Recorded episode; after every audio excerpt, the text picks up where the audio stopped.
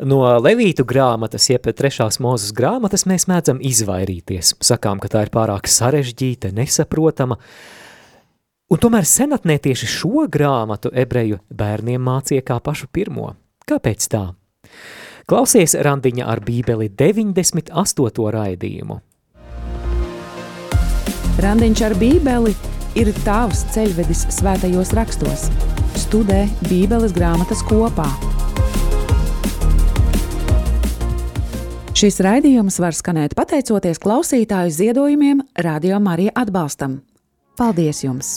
Tiešām paldies, mīļie klausītāji, par jūsu atbalstu un ziedojumiem, jo, ja ne jūsu finansiāls atbalsts, tad sen šī radiostacija nevarētu pastāvēt. Arī sen raidījums Randiņš ar bībeli neskanētu ēterā, tā ka paldies, lai Dievs bagātīgi, bagātīgi atlīdzina ikvienam, kas uzskatāt par savu misiju, par savu atbildību uzturēt šo evanģelizācijas kalpojumu Latvijā. Bet šajā brīdī pie mikrofoniem mēs Māris Veliks un Olga Velika. Mēs sākam ievadu Levītu grāmatā. Ja tu skaties šo raidījumu vai klausies sociālajos tīklos, tad neaizmirsti ielikt tīkšķīti, ierakstīt kādu komentāru, kas sociālo tīklu algoritmiem palīdzēs šo raidījumu aizsūtīt. Vai tālāk. padalīties, Noteikti, padalīties jā. sava profila, sava konta, vai arī padalīties ar kādiem draugiem vai čatiņam. Būsim un, pateicīgi. Protams, arī īpašs sveiciens mūsu brīvprātīgajam Edmundam Puzulim, kurš ir daļa no Randiņa ar bībeli komandu, un arī šoreiz viņš ir atbildīgs par svēto rakstu lasījumiem. Bet sākam ievadu Levītu grāmatā, jeb tajā, tavā bībelē visdrīzāk tā ir nosaukta par trešo mūzus grāmatu, proti jau trešā pēc kārtas no piecām mūzes grāmatām, jeb trešā grāmata Torā, jeb Pentateihā, bet aktā Levītu grāmata. Šķiet, ka visi no tās izvairās, un bībeles lasīšanas iesācēji, sākot lasīt veco derību, ja viņi nav paspējuši iestrēgt izceļošanas grāmatas sadaļās, kur ir sīkie telts, apraksti.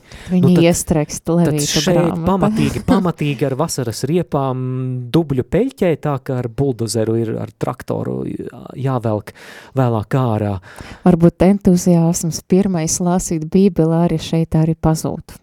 Mūsdienās šī grāmata šķiet jocīga, un arī mēs kā kristieši, kad to lasām, pirmajā brīdī var šķist, ko es šodien, 21. gadsimtā, no tā varu iegūt. Bet izlabosim visus šos pārpratumus šoreiz raidījumā.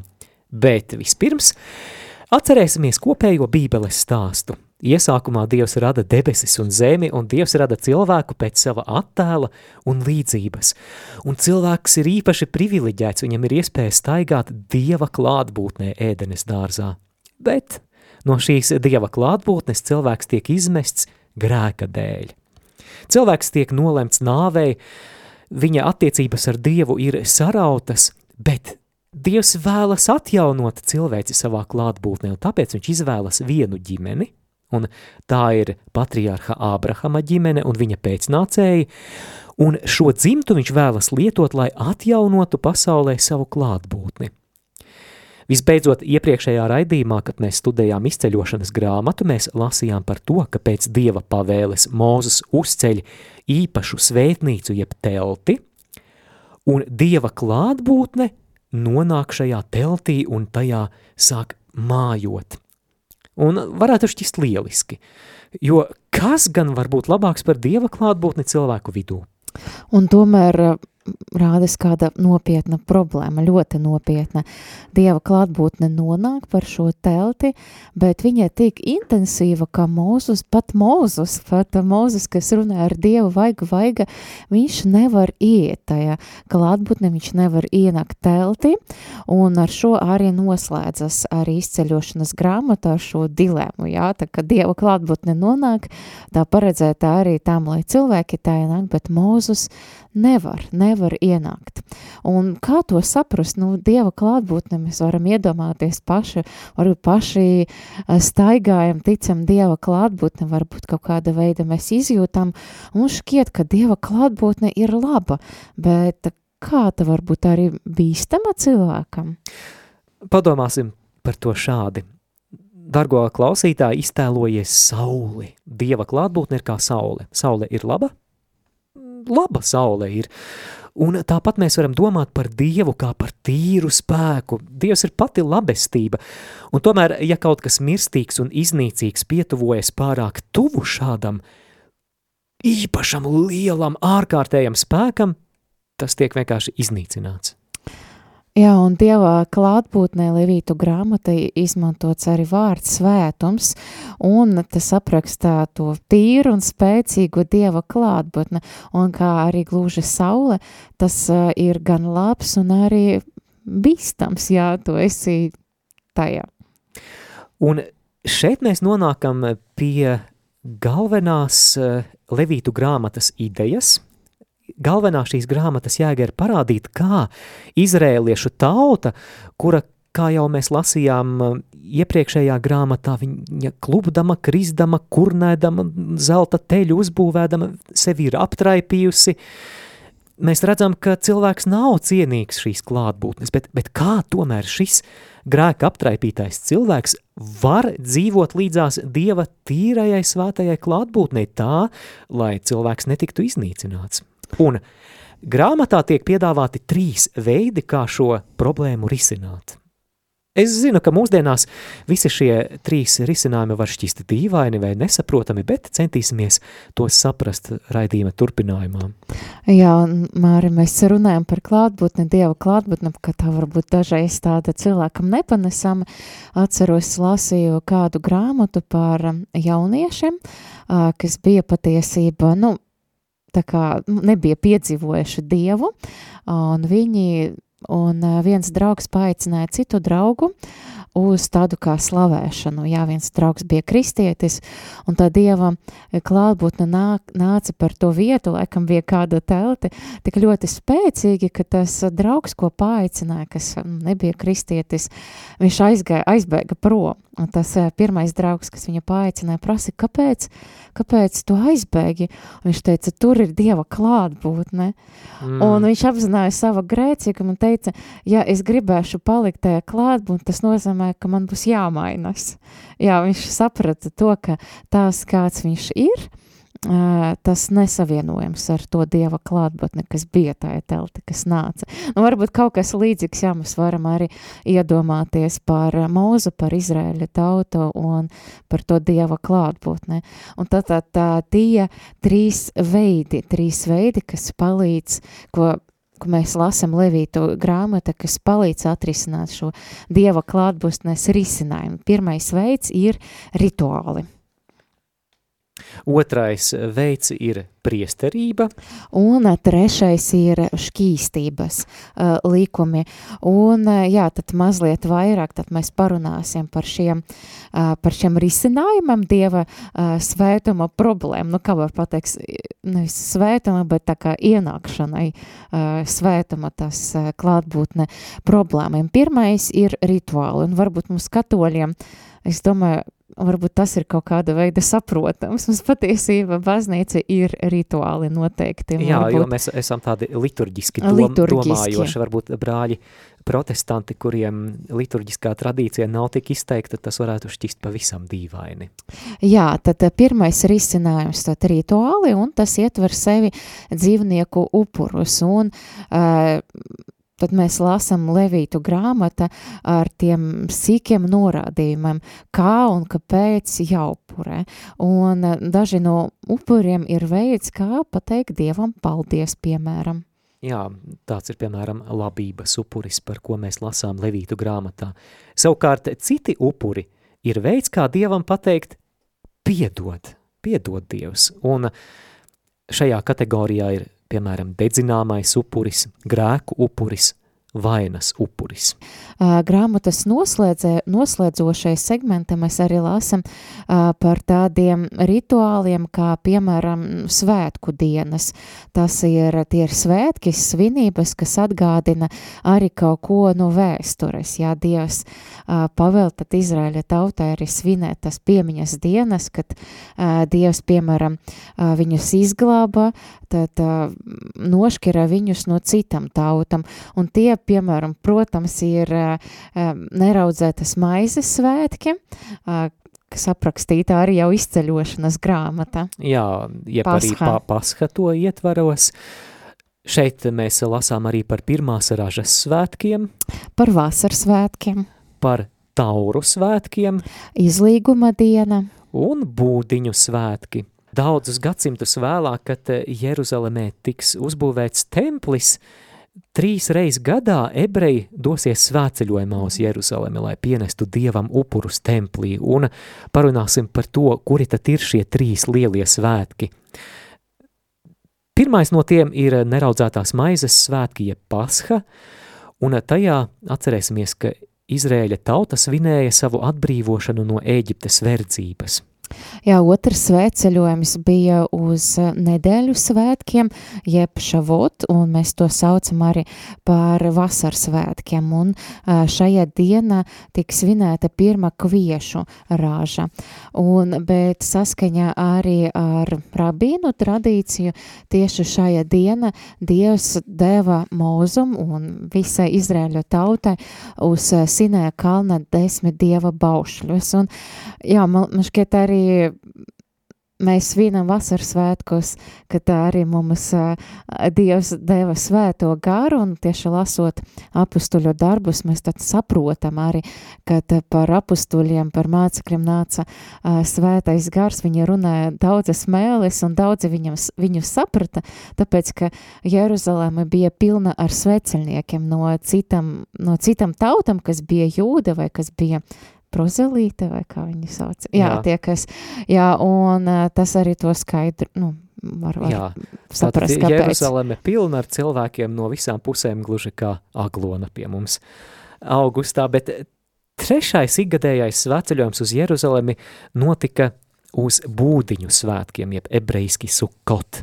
Un tie pamatā bija ražas svētki, tomēr ir vēl kāda šo svētku īpatnība, kas, manuprāt, uh, ļoti patika bērniem, un es esmu kaut kur dzirdējis, ka ebreju bērniem šie mēdza būt vismīļākie svētki, jo svēceļnieki šajās dienās dzīvoja zaru būdiņās, un tas bija atgādinājums par tautas klejojumiem tuksnesī 40 gadus. Klausāmies eh, un lasām Levītu grāmatas 23. nodaļu no 42. līdz 43. pantam. Septiņas dienas jums būs dzīvot būdiņās. Visiem, kas dzimuši Izrēlā, kā iedzimtie, tiem ir jādzīvo būdiņās. Tāpēc, lai jūsu pēcnācēji zinātu, ka Izraēla bērni ir dzīvojuši būdiņās, kad es tos izvedu no Eģiptes zemes. Es tas kungs, jūsu dievs.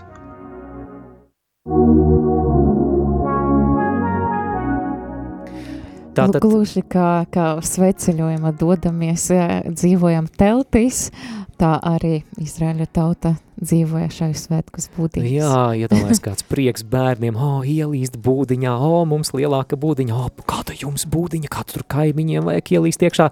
Bet tātad pirmais risinājums šai svētuma un cilvēka grēcīguma dilemmai, kā tas viss var sadzīvot kopā, ir šie dažādie rituāli, kas ietver gan dažādas svētku dienas, gan um, upuru pienešanu, gan arī šķīstīšanās rituālus. Otrais risinājums ir priesterība, jeb priesteri. Kā jau dzirdējām, būt Dieva tiešā tuvumā ir bīstami, un tāpēc tika iecelti priesteri, īpaši pārstāvji, kuri var nākt Dieva priekšā pārstāvot visu tautu. Un tā nu šajā grāmatā mēs atrodam norādes gan par priesteru iesvētīšanu, bet šeit mēs lasām arī par ļoti augstiem standartiem – pēc kuriem priesteriem ir jādzīvo. Tur ir noteikti noteikumi, ko viņi drīkst, ko nedrīkst precēt. Piemēram, um, augstais priesteris pat, uh, pat ja viņa vistuvākie cilvēki nomirst, viņš uh, šim mirušajam nedrīkst nekādā gadījumā pieskarties. Ļoti, ļoti augsta latiņa priesteriem. Un uh, tas tādēļ, ka viņi darbojas tik tuvu Dieva klātbūtnei. Un arī nu, tā, lai izglītotos, noteikti ir jāatgādina, kas šie priesteri varēja būt. Tie varēja būt cilvēki no levītu cilts, kā mēs jau iepriekšējā raidījumā runājām, un vēl konkrētāk, ne, ne visi levīti varēja būt par priesteriem, bet tie, kuri bija Ārona Mūzes brāļa pēcnācēji. Tātad Ārona pēcnācēji varēja kalpot kā priesteri. Un interesanti, ka līdz pat mūsdienām ebreju tauta ir saglabājusi šo vēsturisko atmiņu par to, kuri tad nāk no priesteru dzimtas, iekodējot to uzvārdos. Ebrejiski priesteris ir koēna. Un ja tu klausītāji dzirdi vai lasi uzvārdu koēna vai dažādas citas formas, Kagans, Koēns, Heigins, Hagans, mm, Kaganovičs un, un, un tam līdzīgi, tad ļoti liela varbūtība, ka šie ebreji nāk tieši no šīs priesteru dzimtas. Piemēram, arī Leonardo Koēns. Leonards kas dzieta, slavenais jā, mūziķis. Leonards būt, Koens, jā. jā, varētu būt, jā, tad, tad uh, priesteri priesteri. Un uh, ir arī trešais risinājums svētuma un cilvēka grēcīguma sadzīvošanas dilemmai. Un? Tātad tie ir šķīstības likumi, un tas arī ļoti interesanti, varbūt mūsdienu cilvēkam arī grūti saprast, nu kā tad tas šķīst, nešķīst, mēs arī lasam arī evangēlijos, jā, ka tur šīs cilvēks nešķīst, vai tā sieviete, kas asiņoja, viņa nevarēja īsti pieskarties Jēzum, tad Jēzus kļūtu nešķīst, raksts, un jā, par to tika arī, var redzēt to arī jaunajā derība evangēlijā, bet, nu, ko tas ko tas nozīmē. Un šeit ir uh, speciāli tādi noteikumi, lai saprastu, kā, kādi ir tie noteikumi, ka tu esi šķīsts vai nešķīsts. Ja? Un šķīsts, ja tu esi šķīsts, tad tu drīksti atrasties Dieva klātbūtne, Bet, ja tu esi nešķīsts, tad tu nedrīksti atrasties uh, dieva klātbūtne. Un Izraēļa tautai bija ļoti svarīgi saprast, vai tu šajā brīdī esi šķīsts vai neesi šķīsts. Un varbūt mums katoļiem, nu varbūt kaut kas līdzīgs uh, par žēlastības stāvokli, jā. Vai mm -hmm. tu esi žēlastības stāvokli, vai tu neesi žēlastības. Nu, kaut kāda līdzība šeit ir. Es tev piekrītu, ka šeit ir gan līdzība, bet eh, šeit ir arī kāda atšķirība, par kuru mēs parunāsim pēc kāda brīža. Bet eh, šī, šī patiesība, ka Izrēļa tautas pārstāvjiem bija jāzina, kādā stāvoklī viņi ir un vai viņi drīkst konkrētajā brīdī piedalīties reliģiskās ceremonijās vai nē, vai viņiem ir jāšķīstās, uh, tas ir tas iemesls, kādēļ jau bērniem tika mācīta tieši šī Toras grāmata, Levītu grāmata, jeb trešā mūzes grāmata, jo šī grāmata vistiešāk un tādā praktiskā ikdienas līmenī ebrejiem paskaidroja, kas ir tās lietas, kas viņiem ir jāzina ikdienā, lai viņi, ja, ja viņi nezina šo informāciju, mm. principā tu nespēji dzīvot tā laika uh, mm, Izrēļa sabiedrībā. No, Tas vienkārši neizspējami. Ne liturgisku dzīvi, Jā. ne arī tādu sabiedrisko mhm. -huh. dzīvi. Un vispirms uh, tiek aprakstīts, uh, uh, tiek dots uh, šķīstu un nešķīstu dzīvnieku saraksts, kam tu, ko tu drīksti ēst, kam tu drīksti pieskarties, un uh, sākumā tie iedal, iedalīti pēc zemes, uh, jūras un gaisa dzīvniekiem. Interesanti, ka arī teksts Levīta grāmata nepaskaidro, nu, kāpēc tieši šie, šie dzīvnieki ir nešķīsti un kāpēc arī pieskaršanās šiem dzīvniekiem vai e, šo dzīvnieku ēšana padara tevi par nešķīstu. Bet šī atturēšanas no noteikta veida dzīvnieku ēšanas, piemēram, cūgaļa, skaitas nešķīsta, tas nošķir arī Izraēļa tautu no citam tautam. Un arī svarīgi tās, ka tas arī norāda uz to, ka Dievs ir viņu kungs un viņu Dievs par visam viņa dzīves sfēram, ne tikai par to noteiktu garīgo dzīvi, bet arī par ikdienu līdz pat ēdienreizēm. Jā, un Pēc pārtikas likumiem mēs šeit atrodam arī dažādus noteikumus, piemēram, saistībā ar ādas slimībām, par pieskaršanos mirušo ķermeņiem vai ķermeņa izdalījumiem, jo šīs ir lietas, kuras izrēlieši sasaistīja ar dzīvību un nāvi, kas ir kaut kas svēts, jo Dievs ir dzīvības autors. Bet, eh, Māra, nu kā to saprast, ja sanāk tu pieskaries kaut kādam tādam lietam un tu kļūsti nešķīsts? Un eh, šeit, eh, lai to paskaidrot, es uzreiz arī atgriezīšos pie tā salīdzinājuma ar žēlastības stāvokli, jo te mums ir jānošķir rituālā nešķīstība no morālās nešķīstības. Mēs zinām, ka morālā nešķīstība ir grēks, un tas ir patiešām tas, ko tas, kas, kā mēs, kā katoļi sakām, ka nāvīgs grēks mūs tā kā izmet ārā no žēlastības stāvokļa – Tātad tā ir tā morālā nešķīstība, kad tu pārkāpi laulību, kad tu kādu nogali un, un tā tālāk, bet rituālā nešķīstība ir kaut kas citādāks. Proti, tas nav nepareizi vai grēcīgi būt rituāli nešķīstam. Tās bija vienkāršas ikdienišķas situācijas bieži vien, kas tevi padarīja rituāli nešķīstu. Uh, un tu vēlāk pagaidi dažas dienas, tu nomazgājies pēc priekšstatiem, tu pienes upuri un tu atkal esi šķīsts. Bet kas bija neatbilstoši? Nešķīstam, rituāli nešķīstam nākt Dieva klātbūtnē. Tas tika uzskatīts par nepieļaujamu.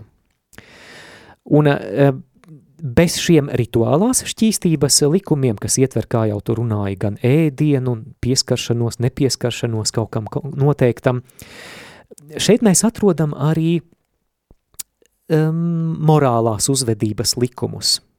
Tie jau tādi morālās šķīstības likumi, uh, kur mēs uh, lasām gan par sociālā taisnīguma likumiem, kā izturēties pret nabagiem, te ir likumi par veselīgām attiecībām, par to, kā savu seksualitāti izdzīvot dievam patīkamā veidā, uh, Un arī attiecībam ar Dievu. À, jā, tieši tā, un, un tad nu, nolasīsim tagad fragmentu no Levītu grāmatas 19. nodaļas. Mēs lasīsim no 11. līdz 18. pantam, un pievērs uzmanību, cik aktuāli šie vārdi skan arī šodien. Jums nebūs zakt un nebūs melot, nec krāpt savu tuvāko, Jums nebūs nepatiesi zvērēt pie mana vārda, ka tu neapgāni savu dievu vārdu. Es esmu tas kungs. Tev nebūs pievilkt savu tuvāko un nebūs viņu aplaupīt. Tava algāģa algai nebūs pie tevis palikt pa nakti līdz rītam. Tev nebūs kurlu lādēt, ne zaklējam likt šķērsli ceļā, bet tev būs bīties savu dievu. Es esmu tas kungs. Jums nebūs pieļaut tiesā netaisnību, tev nebūs zemākā vaigu nievāt, un tev nav godībā jābīstās lielais, bet tiesā taisnīgi savu tuvāko. Nestaigā apkārt ar nolūku celt ļaunu slavu savā tautā un netīko pēc sava tuvākā dzīvības.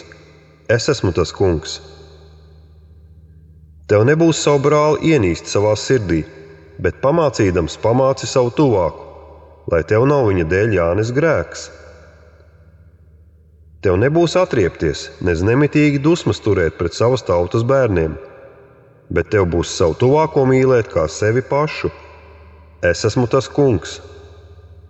Jā, tie ir tie morāli likumi un saskaņā, dzīve saskaņā ar šiem likumiem arī ļauj Izraēļa tautai arī kļūst arī ne tikai par rituāli šķīstu, kā mēs Māris to tikko skaidroja, bet tas saskaņā ar baušļiem, ar šiem likumiem palīdz dzīvot par morāli šķīstu tautu, kas arī palīdz uh, dzīvot līdz šai dieva klātbūtnē. Un lūk, tad mēs apskatījām tos uh, trīs uh, kā, tos risinājumus, kā šī tauta varēja ieiet dieva klātbūtne, tad tie ir īpaši rituāli, sanāk gan ir dzīvnieku upurēšana, gan arī svētku svinēšana, tad priesterība un šķīstības līkumi, rituāli, šķīstī, rituāli šķīstības un morālas šķīstības līkumi. Dārgais klausītāj, tu šobrīd atrodies randiņā ar Bībeli. Studijā Māris un Olga Veliki.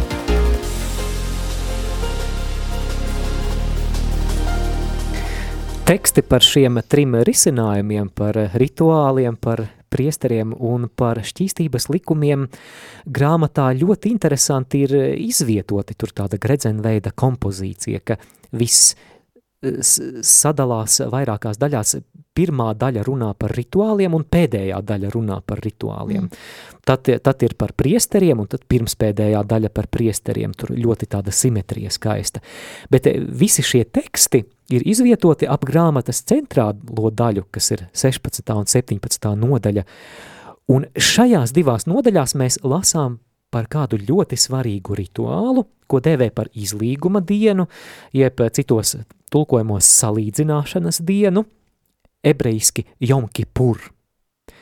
Tā ir ļoti svarīga svētku diena, un kāda ir šīs dienas būtība?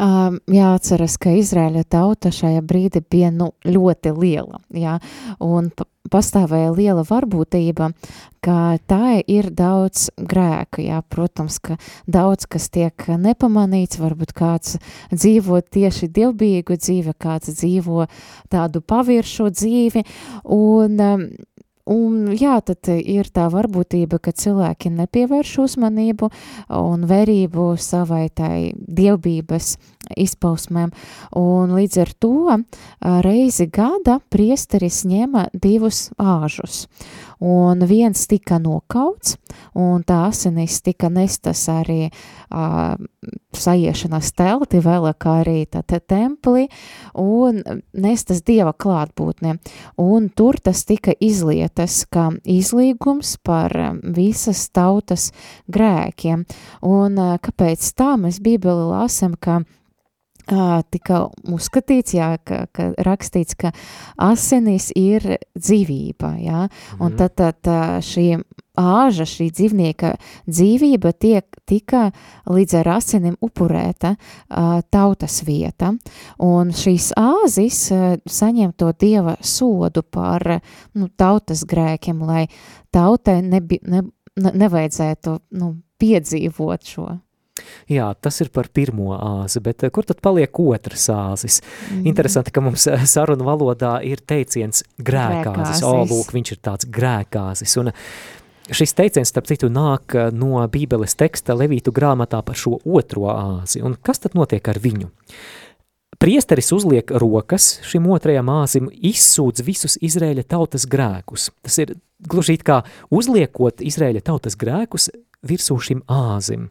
Un tad šis āzis tiek padzīts tuksnesī. Šķiet dīvains rituāls, bet uh, tas ir spēcīgs simbols tam, kā Dievs savā žālsirdībā aiznes projām Izrēļa tautas grēku. Jā, un vispār daudz, daudz arī uh, to teicienu, kas arī mūsdiena mēs izmantojam, arī nāk no Bībeles. Varbūt mums vajag kādu arī raidījumu par to, tas būtu ļoti interesanti. Bet jā, kad mēs lasam par tiem dzīvnieku upuriem un uh, šķiet, tas ir barbariski, jā, piemēram, mēs varam iedomāties, es kaut kur lasīju par to upuru nešanu, es kā, ne, es lasīju, bet dzirdēju kādu sprediķi, uh, ka mēs varam iedomāties, kā uz kādiem svētkiem nesa šos dzīvniekus un, piemēram, jau templī vai, vai e, telti tika upurēti šie dzīvnieki, cik bija tā, nu, asiņaina aina, ja, cik daudz dzīvnieku bija upurēti, ka viss bija tajos asinis, nu, varbūt liktos, nu, ļoti, nu, kāpēc kaut kas tāds ir tiek darīts, kāpēc tik bārbariski, un Mums jāatceros, ka senē pasaulē, senē no kurienes arī no šiem laikiem arī tā Levītu grāmata, ko apraksta šos laikus, tas bija veids, kā senajā pasaulē cilvēks, nu, pielūdza dievus, es saku, kad, kad dievu Izraēļa tauta pielūdza dieva, bet arī pagānu tautas arī pielūdza savus dievus no... Mēģināja arī būt kā, gūt kādus labumus Bro, no dieviem primāri jāgūt kādus labumus, pielabināties tiem uh, dieviem, ko mēs, protams, nu, ticam, ka tie nav dievi, bet uh, Tomēr problēma ar tiem tā laika seno pasaulē, ka nevarēja zināt to nu, rezultātu, vai tas dievs, nu, mazas burts tevi dzirdēja vai nedzirdēja, pieņēma vai nepieņēma tavu upuri. Bet man šķiet arī tas nav tikai mūsdienas. Mēs zinām, kā arī daudzos, daudzas reliģijas, piemēram, hinduisma joprojām pienesa upurus un tā tālāk, vai, vai tie būtu kādi dzīvnieki vai augļi arī kādos uh, arī kādos jau burvestības rituālus arī tiek nesti upuri. Nu jā, un tad viņi nezināja, ka vai pieņems vai nepieņems. Kāds un, būs garas stāvoklis? Kāds būs dievekļiem? garas stāvoklis, jā, jo, jo tie dievi arī bija tādi, nu, kā, kā cilvēki ar tādu garas stāvokli, jā. Un, bet šajā kontekstē mēs redzam, ka Izrēļa dievs ir pavisam citādāks. Viņš ir tās, kas ir dusmīgs uz grēku, bet tajā pašā laika viņš uh, mīl un vēlas piedot cilvēkiem. Viņš vē- vēlas to cilvēku vēst sava klātbūtne. Un uh, šajā laika viņš šīs uh, tā, tā kā upurēšanas rituāls, ar šo upurēšanas šiem priekšrak, priekšrakstiem Dievs dod skaidru veidu uh, un atbildi uh, par to, ka viņam tiek piedots, un neskatoties uz to, uz viņu grēkiem, uz viņu samaitātību. Un, un šie upuri tas um, palīdzēja arī ienakt tajā Dieva tuvumā, un līdz ar to šīs vēstījums kopumā uz visas tas um, nezinu, tās ā, pasaules ā, tajā laika fona, uz tās pielūkšanas rituāliem, tas bija kaut kas ļoti revolucionārs. Kad Dievs dod skaidru atbildi, viņš pats pavēl darīt to un to, un kad Dievs, Dievs dod savu apsolījumu. Pēc brīža atgriezīsimies ēterā, lai parunātu par apslēpto Kristu, mūsu iknedēļas rubrika apslēptais Kristus, bet eh, mazliet pārdomāsim dzirdēto. Un eh, droši mums uzraksti vai uzzvani, ja tev ir kāds komentārs.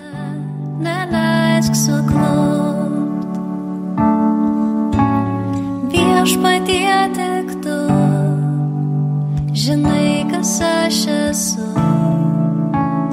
Leisk gėdoti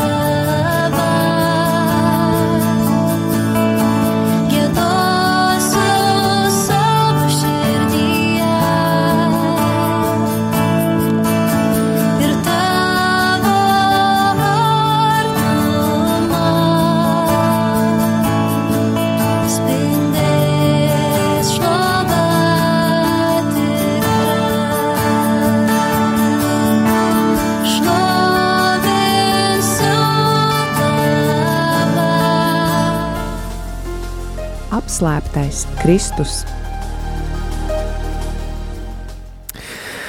Jaunajā derībā ir daudz atsauču uz Levītu grāmatu, lai cik tas neticami varbūt pirmajā brīdī šķistu. Tomēr par šīs grāmatas piepildījumu Jēzu Kristu ļoti spilgti, varbūt vispilgtāk runā vēstules ebrejiem autors. Atceries, kā jau minējām, Levītu grāmatā runāts par izlīguma dienu, vienīgo dienu gadā, kad augstais priesteris drīkstēja ienākt teltī, vēlāk templī vissvētākajā vietā, pašā dieva klātbūtnē. Šajā dienā, ebrejiski Jom, Jom Kipur, viņš pienesa upuri par visas tautas grēkiem. Interesanti, ka vēstules ebreju autors eh, apraksta Jēzus nāvi, Jēzus upuri pie krusta, kā par tādu lielo galējo izlīguma dienu. Lasām vēstules ebrejiem 9. nodaļu, 11. un 12. pantu. Bet Kristus atnācis par nākamo labumu augsto priesteri caur lielāko un pilnīgāko telti, ne rokām taisīto, tas ir ne šai radībai piederīgu. Ne ar āžu un teļu asinīm, bet ar savām paša asinīm. Reizi pār visām reizēm ir iegājis svētnīcā un panācis mūžīgu izpirkšanu.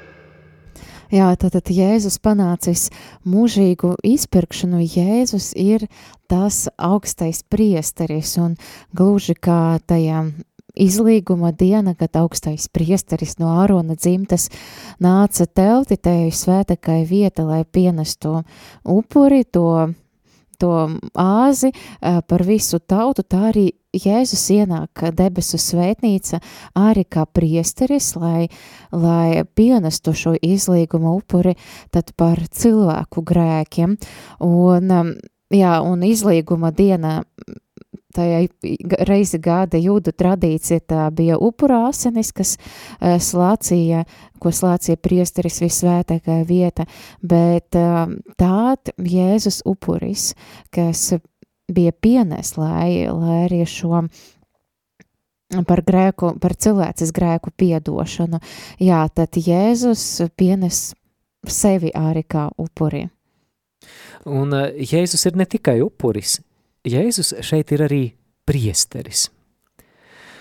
Vēstules ebrejiem autors norāda, ka vecās derības upuri, tātad arī tie, par ko mēs runājām Levītu grāmatu lasot, bija nepilnīgi. Tas ir tās tā kā pagaidu risinājums, variants. pagaidu risinājums, kā risināt šo problemātiku, ka mēs esam grēcīgi cilvēki, Dievs ir bezgalīgi svēts un, un mēs nespējam tā vienkārši tuvoties šai svētajai, labajai, bet tajā pašā laikā iznīcinošajai klātbūtnei.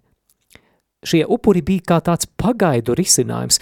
Tie nevarēja cilvēkam pilnībā atņemt grēku, tādēļ šie upuri bija atkārto, jāatkārto no jauna un no jauna un no jauna, jo, kā raksta vēstules ebrejiem autors 10.4, Jo vēršu un āžu asinīm nav varas atņemt grēkus. Tāpēc Jēzus vienu vienīgo reizi, kā izlīguma upuri, ir pienesis pats sevi.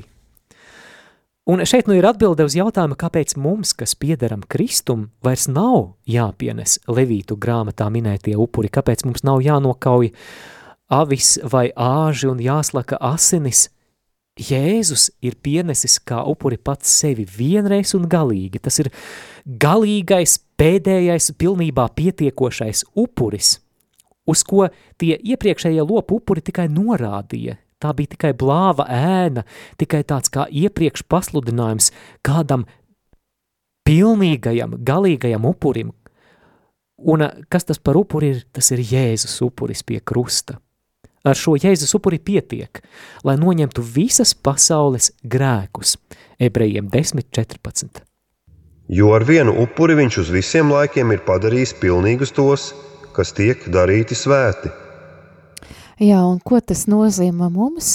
Tas atrisina šo galveno problēmu par to iespēju mums uzturēties Dieva klātbūtnē. Jā, jā par to arī runa visa Le Levītu grāmata, kā grēcīgs cilvēks var uzturēties Dieva klātbūtne, un Jēzus šo problēmu risina pavisam, un viņš pats sevi pienēs kā upuri, un eh, pateicoties tā, mums ir pieejama Dieva klātbūtne, un mēs lasam no ebreju grāmatas desmitas nodaļas eh, 19. panta, Tā kā nu mēs, brāļi, droši varam iet svētajā vietā Jēzus asiņu dēļ. Jā, tātad, ja pateicoties Jēzus asinim, tad svētā vieta vairs nav šī sajiešanas telts vai Jeruzalemes templis. Tā Dieva klātbūtne jau tagad mums ir pieejama tā Dieva klātbūtne, ko mēs arī, protams, vairāk varbūt baudīsim tāda citāda veida arī mūžība, bet jau tagad tā mums ir pieejama, jo Jēzus atrisināja šo problēmu un mēs varam droši arī nākt Dieva klātbūtne un arī iepriekšējā raidījumā mēs runājam, jā, tad, kad Jēzus nomira pie krusta, tā notika zemestrīce un pārplisa uh, tas um, priekškars templī, jā, un tad Dieva klātbūtne izgāja un viņa kļuva pieejama.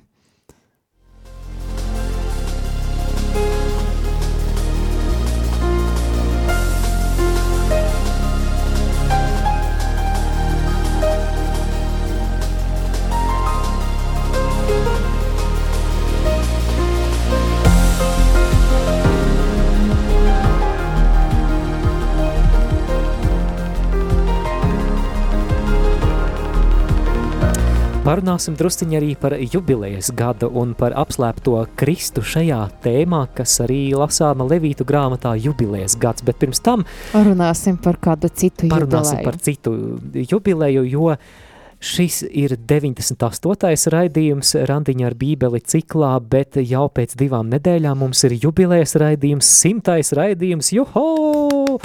Un Simts mēs raidījumi. gribam šo simto raidījumu īpaši nosvinēt ēterā. Mēs vēlamies, lai tie ir svētki, un līdz ar to vēlamies simto epizodi izveidot citādāku. Tā būs neliela atkāpīte no šī mūsu cikla, un mēs eh, simto raidījumu vēlamies veidot kā tādu mm, saziņu ar klausītāju, jums ir iespēja jau iepriekš iesūtīt vai nu e-pastā randiņš ar bībele gmail vai arī Facebookā atstāt savu, savas atsauksmes par šo raidījumu, Savus jautājumus. arī savus jautājumus, un mēs varētu to raidījumu izveidot kā jautājumu un atbilžu raidījumu. Jautājiet jebko vēlams par bībeli, jā, jebkādas neskaidrības par bībeli. Viss, kas ir bijis neskaidrs, varbūt iepriekšējos randiņos ar bībeli, vai jūsu privātajā lasīšanas laikā, vai arī jūs vēlaties sākt bībeli lasīt un nezināt, kā to darīt, jums ir kāds draugs, neticīgais vai kolēģis uzdevis jautājumu par bībeli, uz ko jūs nesat spējuši atbildēt, izmantojiet iespēju, simtais raidījums ir jūsu rīcībā, sūtiet jau jau tagad, jau Tagad. tagad. gatavojiet, jā, tātad randiņš ar bībeli at gmail.com vai arī uzrakstiet ziņu randiņš ar bībeli Facebook lapā, un mēs priecāsimies arī par jūsu atsauksmēm par šo raidījumu, ko šis raidījums ir devis. Īpaši gribētos dzirdēt no tiem klausītājiem, kuri, es ceram, ceru, ka vismaz kādi ir, kuri ir eh, sākuši vai atsākuši lasīt bībeli, pateicoties šim raidījumam, un visus jūsu ēpastus, visas jūsu ziņas mēs ar prieku nolasīsim simtajā jubilejas raidījumā. Tāpēc uh, sūtiet, mēs būsim ļoti, ļoti priecīgi. Bet nu tagad, kā solīts, parunāsim par jubilejas gadu. Levītu grāmatā ir ļoti interesants norādījums. Ik pēc 50 gadiem jātiek izsludinātam jubilejas gadam, īpašam laikam, kad tiek atlaisti visi parādi, kad tiek atdoti atpakaļ ieķīlātie īpašumi, kad vergi, kur ir zaudējuši savu brīvību, tiek palaisti brīvībā. Tad pilnīgi, pilnīgi tā, tā kā brīvlaišana notiek, pilnīgi viss tiek atjaunots, viss atgriežas iepriekšējā stāvoklī, un to sauc par jubilēs gadu, kuru Dievs aicināja svinēt ik pēc 50 gadiem. Un mēs tagad lasām Levītu grāmata, jeb 3. mūzes grāmata 25. nodaļa 10. pants. Un jums jāsvētī 50. gads, un jāpasludina tādā zemē visiem tās iedzīvotājiem atlaišana brīvībā. Tas, lai jums ir gaveļu gads, un jūs ik viens atgūsiet atpakaļ savu īpašumu, un ik viens atgriezīsies atpakaļ savā ciltī. Jā, to mēs lasām no Levītu grāmatas, bet interesanti, ka uh, Jēzus uh, laika, kad Jēzus uh, bija šeit virs zemes, tad uh, lasam no Lūkas evangēlija 4. nodaļas, ka Jēzus pasludina jubilējas gadu, un tas bija tad, kad viņš lasīja sinagogu, un viņš uzduras uh, grāmatas fragmentam. Lasam no Lūkas 4, 18, uh, no 18 līdz 19 pantam.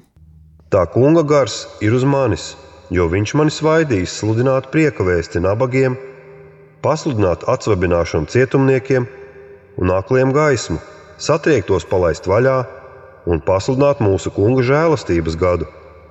Es nezinu, Māri, bet šī laikam mana viena no mīļākām vietām Bībele. O, Skaisti. ļoti skaisti. Mēs varam iedomāties, ka viņš jau bija savas, tajā, savas pilsētas, tajā Nacaretes Nāceretes sinagoga, jā, un varat iedomāties, kā viņš atnāk viņu priekšā un pasludina kaut ko tādu. Un, jā, viņš pasludina kaut ko pavisam fantastisku, un lasam tad no 21. panta no Lukas evangēlija 4. nodaļas. Šodien šis jūsu ausīm dzirdētais raksts ir piepildīts. Wow, ko Jēzus grib pateikt? Ka šis īpašais eh, jubilējas gads, un eh, šeit eh, Jesaja, kura vārdus viņš citē, savukārt atsaucas uz Levītu grāmatu šo jubilējas gadu. Šis jubilējas gads ir sācies, šis vārds ir piepildījies, piepildījies Jēzus Kristus personā, un tas ir īpašs jubilējas gads. Tas nav jubilējas gads, kad tiek nokārtoti ekonomiskie parādi, kad uh, kaut kas sociālā līmenī tiek pārbīdīts. Šis ir jubilējas gads, kurā tiek atbrīvoti visi garīgi saistītie, visi tumsas nomocītie, visi ļauno garu nospiestie un pazemotie. Tā ir atbrīvošana no grēka parāda, tā ir atbrīvošana no garīgām važām, un tas ir noticis pateicoties Jēzum Kristum. Pateicoties tam, ka viņš vēlāk Golgātas kalnā īstenos šo Jom Kipur, jeb šo lielo izlīguma dienu, izlejot savas asinis. Dārgo klausītāji, varbūt tu nepazīsti Jēzu Kristu. Tu vari ienākt šajā izlīguma gadā. Ja tu nes līdzi grēka parādu, un ja tu apzinies, ka tas tevi šķir no Dieva, ja tu apzinies, ka tu esi tik daudz lietas sadarījis savā dzīvē, ka tu nedrīksti nākt tajā Dieva klātbūtnē, jo tā ir tev iznīcinoša. Zini, ka Jēzus Kristus ir nokārtojis tavus parādus, viņš ir pasludinājis šo jubilējas gadu. Tu vari saņemt pilnīgu, pilnīgu grēku piedošanu, tā ka Dievs uz tevi skatās un saka, brīvs, tīrs, tev ir piedots. Nebaidies no Jēzus, nebaidies no Jēzus, ieaicini viņu savā dzīvē, ieaicini viņu savā dzīvē, n- nebeidz no viņa, nebeidz no Jēzus, ja tu šo klausies, tad tā nav nejaušība, viņš klauvē pie tavām durvīm, nebeidz no Jēzus. Kas tev gabals atkritīs, ja tu uzaicināsi Jēzu? Jā, un tev tiešām tev nav jādzīvo kauna, tev nav jādzīvo bailes, tev nav jādzīvo tāda nomaktība un um, ar to, ar to smagumu savā sirdī, un tiešām Jēzus ir tas, kas to visu ir paņēmis, un to visu ir piepildījis, un viņš nu, piepildīs šo, šo izlīgumu par tevi, par tevi personīgi, jo viņš tevi ļoti, ļoti mīl, un Dievs tevi neatstāja. Vai gribi spērt soli pretī Jēzum? Lūdz kopā ar mums šo lūkšanu, tas ir tikai pats sākums, bet ja tu ļausi pa sirds spraudziņu viņam ienāk tavā dzīvē, tu redzēsi pārmaiņas, tu redzēsi, kā viņš tālāk vedīs tevi pie savas dzīvības avotiem. Lūdz kopā ar mums, kungs Jēzu, Kungs Jēzu, piedod man manus grēkus, piedod man manus grēkus, nomazgā mani ar savām asinīm. Nomazga mani ar savam asinīm un ļauj man piedzīvot brīvību, un ļauj man piedzīvot brīvību, kuru tu esi atnesis. kuru tu esi atnesis. Ienāc manā dzīvē, Ienāc manā dzīvē, esi mans kungs esi mans kungs un glābējs. un glābējs. Paldies tev, kungs! Paldies tev, kungs! Es uzticos tev! Es uzticos tev!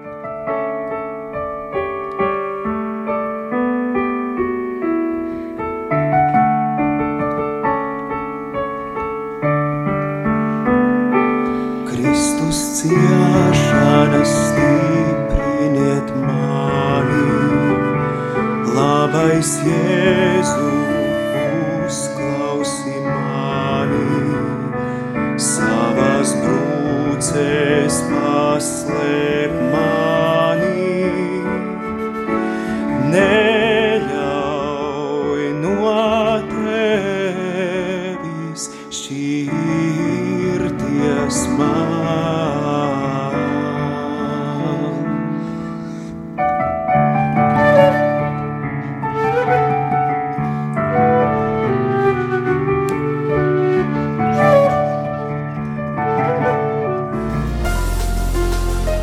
Nedēļas doma.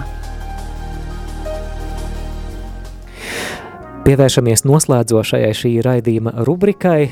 Parasti izceļam kādu vienu svarīgu domu attiecīgajā grāmatā, un klausītāji varētu jautāt, nu, ko tad man var šodien dot Levītu grāmata. Un, gatavojoties šim raidījumam, mēs sapratām, ka mēs vēlamies noslēgumā runāt par bijību Dieva priekšā, par bijības pilnu, cieņas pilnu attieksmi Dieva un svētuma priekšā, jo visi šie sīkie priekšta, priekšraksti Levītu grāmatā, kuri tiešā veidā burtiski mums nav aktuāli, mums šodien var būt kā atgādinājums, ka Dievs un viņa svētums ir kaut kas tik ļoti, ļoti, ļoti, ļoti, ļoti nopietns. Jā, un mēs, eh, protams, eh, mēs varam uh, dzīvot tā, ka uh, Dievs, Jēzus mums ir labākais draugs, un tā tas patiesībā arī ir, bet mēs aicinam uh, pārdomāt tā, to viņu svētumu, to viņu augstumu, un uh, arī atjaunot to savu bību pret viņu.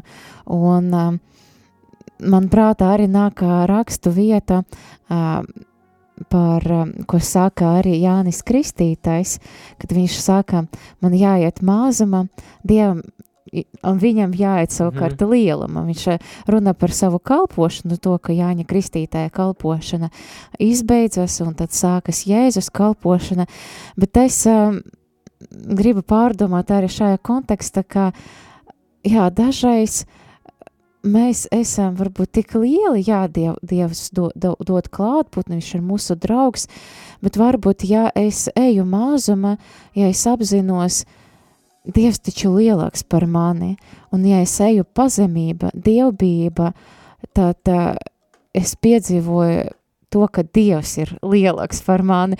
Nu, grūti tā izskaidrot, bet arī viena no psalmām pateikts, jā, ka nu, Dievs, cik augstu esi, kas ir Dievs un kas ir cilvēks, ka tu esi viņu uh, izredzējis. Un, uh, mēs, uh, jā, tad mēs šodien aicinām uh, pārdomāt to dievbību un dieva lielumu un to, cik patiesībā mēs esam mazi un patiesībā arī niecīgi salīdzinājumā ar Dievu. Jā. Un to, ka mums jāiet tajā mazumā un Dievam jāiet lielam, ja tu gribi redzēt to lielumu, to aizraujošu skaistumu, tad mums jāmācās būt maziem, man šķiet. Jā, un vēl mums ir jāmācās arī, it sevišķi varbūt rietumu pasaules kristiešiem, tas ir aktuāli, ka mēs bieži vien sākam zaudēt bijības sajūtu Dieva priekšā. Mēs tā ā, vienkārši tur ienāk, nā- ienākam baznīcā vai Dievs, nu Dievs, Dievs, jā. Bet, Pārdefinējam Dieva likumus, jā. vai, Un ka, kāpēc esmu dzirdējis kādi autori, arī Johannes Hartls par to bija runājis un vēl kādi citi, ka, ka kāpēc, piemēram, kāpēc, eh, mm, piemēram, šķīstība līdz laulībai, pat, pat starp kristiešu jauniešiem, kuri sanāk eh, dzīvot kopā, kāpēc viņiem tas nav aktuāli? Trūkst bijības Dieva priekšā. Nu, Dievs, nu, kaut kā, nu, gan jau kaut kā, nu, viņš jau žēlsirdīgs, viņš piedos, bet trūkst šīs bijības Dieva priekšā. Vai tu minēji pārdefinēšanu? Mēs pārdefinējam ģimenes jēdzienu, mēs, mēs eh, pasludinām par normu pretēji Dieva likumam, to, kas patiesībā ir negantība Dieva priekšā, kāpēc mums trūkst bijības Dieva priekšā. Un eh, mēs varam padomāt par to, kāpēc, piemēram, tik skaistas katedrāles, tik skaisti dievnami iepriekšējos gadsimtos tika celti. Viens no aspektiem tur ir, lai atgādinātu par šo bijības attieksmi, ka tu nostājies neizdibināma, varena, skaista svētuma priekšā, kad, ka tu apzinies savu vietu tā priekšā, ka tu esi tikai radība, ka tev elpa aizraujās. Un, un mm, mēs esam aicināti atgriezties pie šīs bijības attieksmes, ka jā, tu esi Dievs, tu esi īpašs Dievs, jā, arī draugs un ļoti, ļoti tūs, un ar tevi mēs varam pasmieties un anekdotes stāstīt, bet tai pašā laikā tu esi šis varenais, varenais Dievs, kurš esi radījis debesis un zemi, kurš esi radījis visas galaktikas. Un eh, tāpēc noslēgumā mēs vēlamies eh, dalīties trīs praktiskos ieteikumos, ko mēs varam darīt, eh, lai atjaunotu šo bijības attieksmi savā dzīvē.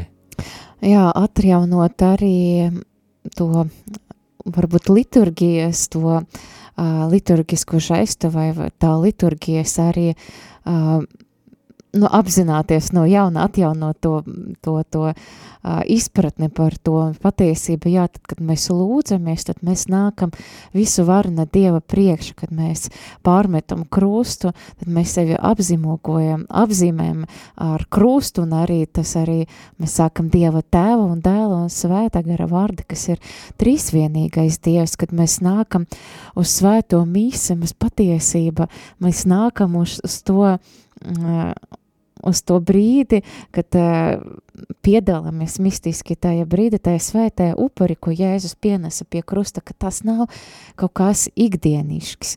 Un uh, līdz ar to, jā, tas pārdomāt to savu liturgisko dzīvi un ar bību pret to izturēties. Jā, un apzināties, kāpēc es to daru, kāpēc es metos uz ceļiem, kāpēc es sevi apzīmēju ar krustazīmi.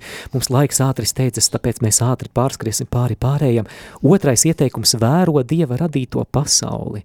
Vēro kokus, putnus, mākoņus un apzinies, ka tas nav pašsaprotami, ka tas viss varēja arī ne, nebūt un apjaut, ka Dievs ir varens, radošs, Kā izdomas arī bagāts. es varēju nebūt patiesībā, bet tieši Dievs tā. mani radīja. Jā, jā. un trešais? Un trešais arī lasi svētus rakstus un pievērš uzmanību arī rakstu vietam, kur ir aprakstīts Dievs. Gan izceļošanas grāmata, gan Dieva, gan Levītu klātbūtne, gan arī jau pirmā mūzes grāmata. Man liekas, šīs jau grāmatas, kam mēs izgājām cauri, tagad šobrīd ir gana daudz, kur var lasīt, un gan par to bību, tautas bību pret Dievu, gan arī par pašu Dievu jā, par viņa klātbūtni, piemēram, pie Sināja kalna, un jā, tad pārdomā par to un medīte, un lai, medīte par to, un lai tas paliek tava sirdī. Tad, lai Levītu grāmata mūs iedvesmo uz bijību Dieva priekšā, gods lai ir tēvam un dēlam un svētajam garam. Kā tas no iesākuma ir bijis tā tagad un vienmēr un mūžīgi mūžos. Āmen.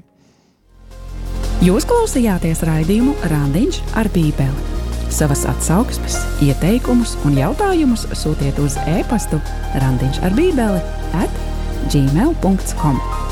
Iepriekšējās raidījuma epizodes var atrast arhīvā.